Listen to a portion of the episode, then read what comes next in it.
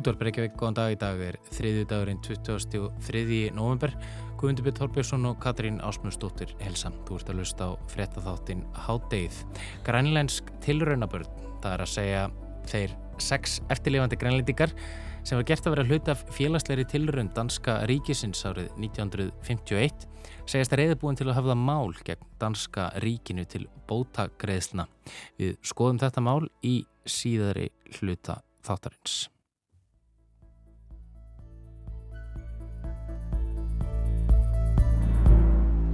En við byrjum hér heima. Löggefaþing Íslands alþingi verður sett í dag. Tæpir tveir mánuður eru liðnir frá kostningu og 30 ár eru síðan ja, langur tími leiðmiðli alþingiskostninga og þingsetningar. Og þá er verðt að lítið við farin veg og á hvaðir framöndan. Guðmundur Björn tekur nú við. Sangant brefið því sem ég hef nú lesið lýsi ég yfir að alþingi Íslendinga er sett. Hér heyru við í kunnulegri rött Guðuna T.H. Jóhannessonar, fórsetta Íslands, við þingsetningu fyrir réttæpum fjórum árum. Guðinu var nokkuð þungur á brún en það hefði mikið gengið á í íslenskum stjórnmálum mánuðin á undan og erst hæft ár síðan ný ríkistjórn hafi tekið við völdum. Meirum það á eftir.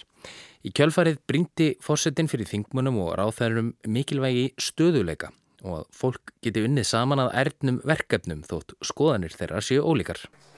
Þótt gott sé að geta kosið reglulega til þings er stöðuleiki einnig æskilegur í stjórnskipulæginu.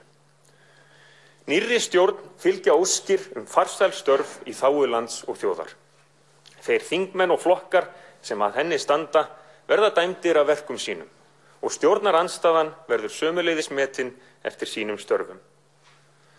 Áfram verður því deilt í þessum sall. En þóttir rétturinn til ósættis sé mikilsverður og segja megi að við Íslendingar kunum vel að nýta hann höfum við einat sínt í verki að við getum staðið saman þegar mikið likur við. Það sem Guðni Fossetti vissi ekki þá voru þær samfélagslegu og ekki síst efnahagslegu áskoranir sem svo ríkistjón sem þá var að taka við völdum átt eftir að takast ávið. Í upphafi ás 2020 brast út heims faraldur koronaviru sem hefur dreyið yfir 5 miljónir manna til dauða og valdið gríðarlegu efnahagslegu tjóni í yfir 200 löndum og landsvæðum, fara meðal hér á landi. Þrátt fyrir þessar miklu áskoranir má gera því skóna að Þingheimur hafi tekið áminningar fórsetans við Þingsetningu 2017 að engur leiti til sín. Ólíkt því sem gerðist víða annar staðar sprakk hér engin ríkistjórn á meðan það gerningar veður reyði yfir sem fyldi öllum þeim ótilandi áskorunum sem korunuveiran hefur fært okkur. Og það sem meira er, ríkistjónin hjælt velli í þingkostningunum í september. Og nú í dag kemur þingloks saman, rétt hefum tveimur mánuðum eftir kostningar. Já, tveimur mánuðum. Það er langu tími og hefur alþingi ekki komið saman síðan 7. júli. Það þætti á flestum vinnustöðum vera ansi langt og gott sömurfrí og því skiljanlegt að margir landsmenn láta það fara létt í töðunar á sér þegar háttökju fólk sem eru ríkistasmenn og þjóðkjörnir fulltrúar í þokkabót hafa ekki mætt í vinnuna að neinu ráði síðan í sumar. En fyrir því eru ymsar ástæður, við kemum betur á því á eftir en skoðum fyrst á þens forsuguna. Á síðasta kjörtímabili heldu framsókn vinstri græn og sjálfstæðisflokkur um stjórnartöymana. Vinstri græn voru óumdelanleir sigurverar kostningana fyrir fjórum árum sem var til þess að Katrín Jakobsdóttir formaður flokksins fekk stjórnarmyndunar umboð frá fósetta Íslands. Flokkurum fekk 16,9% fylgi og 11 þingsæti. Sjálfstæðisflokkur var áfram stærsti flokkurinn á þingi með 16 þingsæti en tapaði 5 þingsætum frá kostningunum árið áður. Árið áður, já, því ráðunetti Bjarnar Benediktssonar var ekki langlýft. Ríkistjórn Sjálfstæðisflokks viðreysnar og Bjartrar framtíðar tók við völdum þann 11. janúar 2017 en sprakk með látum þegar Bjart framtíð dróð sig úr stjórnarsamstarfinu í september. Ástæðan var svo að dæmdum barnanýðingi hafi verið veitt af fyrir ríkistjórn uppreist æru fyrir meðmæli föður Bjarnar Benediktssonar. Bjarni hafi vittneskum þetta og kölluðu meðlimir Bjartarar framtíðar málið alvarlegan trúnarbrest. En þótt sjálfstæðisflokkur hafi goldið fyrir þetta í kostningunum sem voru haldnar aðeins nokkrum mikum síðar 28. oktober 2017 er það ekkert í líkingu við þann skell sem Björn framtíð fjekk en flokkurinn þurkaðist út, náði engum manni á þing og þótt flokkurinn sé enn formlega til hefur flokksstarf leið niðri síðustu fjögur ár. Það gekk á ymsu síðasta kjörtíðanbil og þótt ljóst sé að ríkistjóð sjálfstæðisflokks vinstir græna á framsóknar heldur velli og verður því þriðja þryggjaflokka samsteipustjórnin í röð en ráðuneyti Bjarnar Benediktssonar 2017 var þá fyrsta þryggjaflokka samsteipustjórnin frá þriðju ríkistjóð Stengrims Hermanssonar sem satt frá 10. september 1989 til 30. april 1991 svo stjórn samanstóð af alþjóðflokki, alþjóðbandalagi og framsóknarflokki. Já, það gekk á ymsu, segi ég. Til að mynda gengu tveir þingmennur þingflokki vinstir græna úr flokknum, Rósabjörg Brynjólfsdóttir sem gekk til liðs við samfélkingu og Andris Ingi Jónsson sem gekk í ræðir Pírata. Þá eruðu breytingar í Dómsmálaráðunöytinu í mars 2019 þegar Sigriður á Andersen, Dómsmálaráð þeirra sjálfstæðsflokks, sagði af sér í kjölfar þess að mannreittita Dómstól Evrópu hafði dæmt Íslenska ríkið brotlegt í skipun dómara við landsrétt. Áslögarna Sigurbjörnsdóttir tók hennar sæti í Dómsmálaráðaniti eftir að Þórtís Kolbrún Gilvadóttir hafði haldið því heitu í nokkra mánuði.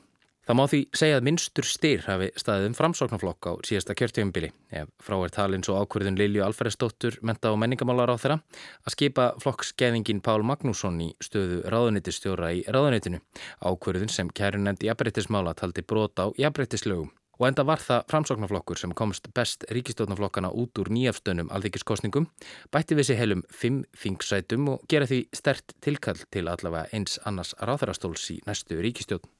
En þótt þingheimur hafa ekki klopnað meira en raun bara vitni í miðjum heimsfaraldri og kjósendur trist sumu stjórnmálaflokkum til þess að fara áfram með völd, fyrstu þryggjaflokka stjórnin í íslenskri stjórnmálasögu sem náði að sitja heilt kjörtímabil, breytir það ekki þeirri staðrend að eitt orð er öðrum ofar þegar kemur að því að lýsa síðustu alþeikiskostningum. Fúsk. Já, við getum verið bölvaðir fúskarar eins og kom á daginn þegar endurtalning fór fram í norðvestur kjördami, daginn eftir kostningarnar. Í kjölfar þeirrar endurtalningar urðu miklar sviftingar á útlutun í öfnunumanna sem var til þess meðal annars að konum sem höfðu náð kjöri fækkaði úr 33 í 30. Jafnbrettis sinnar viða um heim hafðu fagnað uppafleri niðurstöðu sem hefði hitt að þingið hefði í fyrsta skipti verið skipað konum að meiri hluta. Það er jafnframt orðið í fyrsta skipti á evrósku þjóðþingi sem það hefði gest. En svo var ekki. Formaður yfir kjörstjórnar staðfesti að kjörseðlarnir hefðu verið skildir eftir í talningasalunum á Hotel Borgarnessi á þessu tímabili og að salurinn hefði einungis verið læstur en ekki innsiklaður og bar það fyrir sig að slíkt Já, það hefði bara aldrei verið gert. Skýrslur yfir kjörstjórna úr öðrum kjördamum litu í ljós að norðustu kjördami var þó eina kjördami þar sem geimslustaður atkvæða var ekki innsiglaður eftir að talningu var lokið. Þetta veitum við öll og nokkrir þingmenn kærðu framkvæmdina. Það var til þess að alþingi skipaði sérstaka undibúnisnemt kjörbrifa sem hafði það hlutverk að rannsaka kostningakærur og gera tilögu til þingsins um samþygt eða sinjun á kjörbrifum þingmanna. Eftir næri tveggja mánada vinnu eru nefndarmenn nú loks búinur að koma sér saman um tilugur og vera þær kynntar í dag. Þessi rannsókn og þessi fundarhöld nefndarinnar eru aðal ástæða þess að svo langur tími hefur liðið frá kostningunum og þingsetningu sá lengsti síðan 1991. En svo eru líka önnuradriði. Ríkistjórnarflokkarnir tóku sér langan tíma í stjórnarmyndunum viðræður, svo var þing Norrænur áþæranemdarinnar, lofslagsrástefnan COP26 og bara alveg öruglega allskonar og þetta hefur stjórnaranstaðan gaggrínt. Bæði hver lengi á leiðinni fjárlaga frumvarp næsta árs er sem á þennan seinagangi því að hefja þingstörfað nýju. Þingflokks formen stjórnaranstöðuflokkana hittust fyrir helgi og saði Helga Vala Helgadóttir, nýr þingflokksformaður samfélkingar, að mörg brín og stór mál býði umræðu þingsins en það heilir fimm mánuður frá því að þing kom saman síðast Meðal þess sé alvarlegt ástand í heilbreyðskerfinu í miðjum heimsfaraldri, hækkandi stýrivextir og sala ríkisins á mílu. Þá treysti ríkistjónin sér ekki til að koma fram með fjárlagafrömmarp strax og hafi nótfært sér fúskið í norð-vesturkjörðami til að draga lappinnar. Fjárlagafrömmarpi er bara langt í frá tilbúið núna að verða átta vikum eftir kostningar og þau hafa verið að nýta sér þetta ástand í norvestu kjördami sem einhvers konar skjól. Sagði Þingflokks formaður samfélkingarinnar í viðtali við Jóhannu Vítis í Hjaltadóttur fyrir helgi. En gott og vel, alþingi verður loks sett í dag að lokinni Guðstjónustu í Dómkirkjunni. Þing fundur hefst klukkan 5.02 og þá byrja ballið. Áskoranirnar framundan eru markvíslegar. Nýji ríkistjórn hefur enda ekki verið kynnt og þaðan af síður stjórnarsáttmáli að óglemdum fjárlögum. Nú þarf líklega að brettu bermar. Grænlensk tilraunabörn, svo kalluð, krefjast bóta frá danska ríkinu vegna félagslegar tilraunar danskra stjórnvalda sem þeim var gert að sæta árið 1951. Þá voru 22 börn fjarlagað frá heimilum sínum í Grænlandi, fjölskyldu og vinum og þau flutt til Danmörkur þar sem átti að gera úr þeim hefðarstjætt dönskumælandi yfirstjætt í Grænlandi. Dönsku yfirvöld hafa lengi forðast að gera upp þessa óhugulegu fortíð. Mette Fredriksen reyð á vaðið og bað eftirlifendur formlega bað eftirlifendur formlega afsökunar eh, fyrir um ári síðan. En þó tóku stjórnvöld fyrir að bætur eru greitar til þólenda vegna málsins og nú ætla sex eftirlifandi tilhunabörn að láta reyna á þá ákverðun stjórnvalda. Hinn hefnu börn sem áttu að fá að taka þátt í þessari félagslegu tilraun danskra yfirvalda 1951 voru valin af kostgefni. Loks voru 22 börn á aldrinum fjögura til 8 ára, börn sem þóttu skara fram úr, fjarlægð af heimilum sínum í Grænlandi, tekin frá fjölskyldu og vinum og þau færð til Danmörkur þar sem átti að gera úr þeim dönsku mælandi fyrirmenni og við tók svo kallað menningar uppeldi meðal annars námi dönsku, dönskum síðum og háttum og þekkingu. Námið átti svo að skila 20 og tveimur dönskumælandi grænlenskum brottborgurum sem síðar meir átti að vera í fararbrotti við að þróa grænlenst samfélag til nútíma hátta. En eftir lok setni heimsterialdar byggu flestir grænlendingar í torfhúsum sem fæst voru mjög skjólgóð. Berglar og fleiri smittsjúkdómar greindust víða um landið og dönsku kunnáttan var lítill. Hjálparsamtök, barnaheill og Rauðikrossin síndu áhuga á að koma grænlensku samfélagi til aðstóðar við að færa það nær nútímanum og upp úr viðleitninni til að hjálpa samfélaginu varð einhvern veginn þessi brott borgara hugmynd til. Þarna var komin leið til að gefa grænlenskum börnum tækifæri til betra lífs að mati danskra stjórnvalda. Og um þetta þurfti ekki að hafa samráð við einn að neitt, ekki heldur samfélagið sem átti að venda og hjálpa. Í augum danskra stjórnvalda láða í augum uppi að vestrænt samfélag væri á allan hátt betra en hefð frumstæða grænlenska veiðimannasamfélag. Það þurfti því ekki að hafa þjóðina, börnin eða fjölskyldur þeirra með í ráðum, heyra þeirra álit, vita þeirra vilja eða þarfir. En það þurfti hins vegar að fá foreldrana til að samþykja þáttöku barna sinna í tilrauninni og það samþykji var vist fengið með ýmsum leiðum. Stjórnvöldum hefur verið líst sem ágengum, til dæmis lýsir ein móðir því hvernig hún neytaði tilbóði stjórnvalda í tvígang en let svo loks til leiðast eftir að henni var ljóst að ekki er því gefist upp. Önnur móðir, móðir Margrete Jóhansen, hefur síðan líst í fyrir dóttur sinni hvernig henni var nánast gert að skrifundir ætliðingapapirana eða eins og dóttir hennar lýsir því. Mín mór beskriver det med at skrive under på adoptionspapirerne sådan her, så tog de min hånd, og så skulle jeg skrive mit navn. Det er det, hun har beskrevet over for mig. Og, øh, og det tror jeg på. Fæst börnin snýru svo nokkuð tíman aftur heim í faðum fjölskyldu sinnar. Eftir um eins og hálsárs menningar uppeldi í Danmörku var tilraunastar sem er yfirvalda lokið og börnin þá vantanlega metin hæf og reyðubúin til að vera fyrirmyndir landa sinna Þá var komið að því að senda þau aftur til heimalandsins. En þó ekki öll börnin því sex þeirra örðu eftir í Danmörku þar sem fósturforeldrarnir þar höfðu óskað eftir því að fá að ætliða þau. Þegar hinn 16 börnin snýru aftur heim til Grænlands var þeim flestum komið fyrir á barnaheimili í höfustanum Núk þar sem þeim var meðal annars bannað að tala móðurmál sitt. Fóreldrar þeirra fengur svo misvísandi og mismunandi upplýsingar um hvert fara eitti með börn þeirra og síðar meir fengur söm barnana leifi til að fá heimsóknir frá fóreldrum sínum og fjölskyldum á barnaheimilin á sunnudögum. Koman til ætlandsins var því átakanleg fyrir mörg barnana, nýju brottborgarana sem mörg uppliðu sig utangáta í eigin samfélagi. Flest barnana áttu erfitt með að fóta sig í lífinu eftir þessa reynslu og flest þeirra voru meira og minna úr tengslum við fjölskyldur sínar og grænlenska menningu þar sem eftir lifiði. Börnin voru að lögmanns þeirra svift fjölskyldulífi sínu, tungumáli, menningu og réttinum til engalífs. Það er að segja öllu og öllum sem þau þekktu og hvað sem hugsanlegum góðum ásetningi danskra stjórnmalda líður hafði tilraunin sem óættir að segja að hafi mistekist, engu að síður skelvilegar afleiðingar. Afleiðingar sem börnin þurftu að bera sum hver út allt lífið. Um helmingur þeirra var fyrir misnótkun í þessu ferli, fjöldi þeirra glimti við andli veikindi, sum við alkoholisma og fíkn Fæst þeirra sóttu sér nokkra mentun, mörg létust fyrir aldur fram og áttu stutta æfi. Í dag eru aðeins sex þeirra enn á lífi. Og þessi sex krefjast nú að fá bættan þann skada sem ríkið ollið þeim. En ég held að óhætt sé að segja að dönsk stjórnvöld hafi verið aðeins svifa sein og svo litið treg til að gera upp þetta erfiða mál. Formleg og ofinber afsökunarbeginni af hálfu danskra stjórnvalda til 22 grænlensku tilvönabarnana átti þó að vera með fyrstu embættisverkum Mette Fredriksen fósættisráð þeirra sem kjörin var í embætti 2019.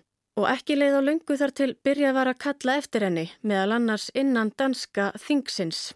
En þá hafði afsökunarbeginni verið fresta þar til nýðurstaða ítarlegra rannsóknar og útæktar á tilrauninni lægi fyrir en margir meðal annars þólendur sjálfur undruðu sig á því að slík rannsókn þyrti að fara fram en það hefði máli verið rannsakað í þaula.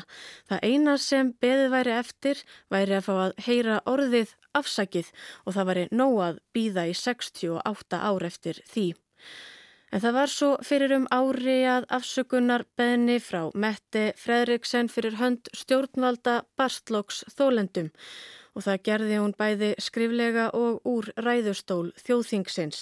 I dag har jeg på Danmarks vegne givet en uforbeholden og længe ventet undskyldning til seks mennesker fra Grønland. Undskyldningen gælder selvfølgelig også de 16 andre, som var en del af forsøget, men som desværre ikke er her længere. Fredriksen sagðist hafa fylst með málinu árum saman. Hún væri harmi slegin yfir þeim mannlega harmleik sem það olli. Úttækt stjórnvalda hefði leitt í ljósað, ekkert tillit hefði verið tekið til barnana, þau rifin úr sínu eðlilega umhverfi, tengsl þeirra við fjölskyldur og aðra ættingja rofin, sömu leiðis við ætlandi Grænland og sögu þess. Vi har fået en historisk udredning, der viser, at børnene blev svigtet af dem, der burde have sat deres tag først. Børnene mistede kontakten til deres nærmeste familie, deres livshistorie og deres rødder. Det bør ingen børn udsættes for. Ekki væri hægt að breyta því sem þegar hafi orðið en hins vegar væri hægt að axla ábyrð og því bæðist hún þar með fyrirgefningar fyrir hönd stjórnvalda. Vi kan ikke ændre fortiden, men vi kan tage ansvaret på os og undskylde over for dem, der blev svigtet. Og derfor har jeg i dag på Danmarks vegne givet en uforbeholden undskyldning.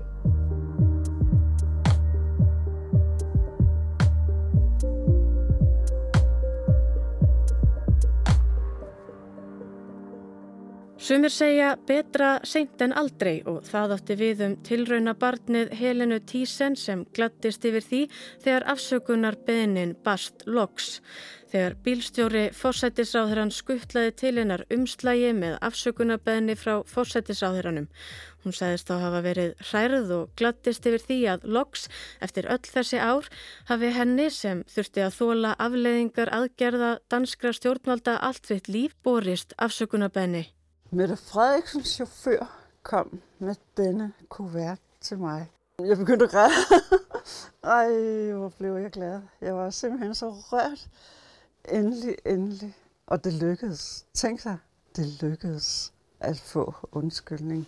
En í kjölfarið voru margir sem veltuði fyrir sér hvort ekki bæri að greiða fólkinu bætur. Sérfræðingar og grænlenskir stjórnmálamenn veltu því meðal annars upp og grænlenska landstjórnin sendi dönsku ríkistjórninni fyrirspurn þarum.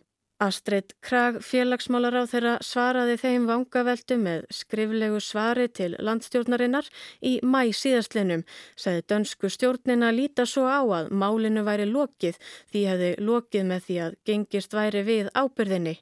Mikilvægt væri að læra af mistökum fortíðarinnar svo sagan endurtaki sig.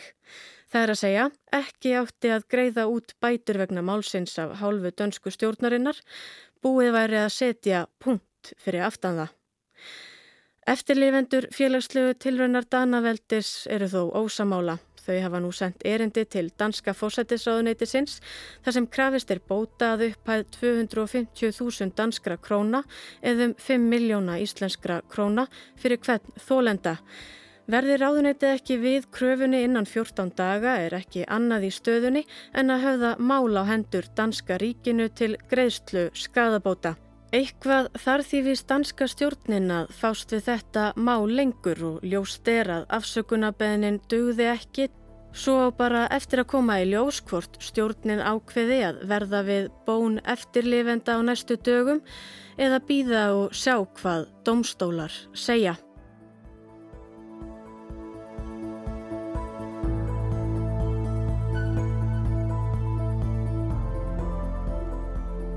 Hátæðir á enda í dag, við verðum hér aftur á sama tíma á morgun.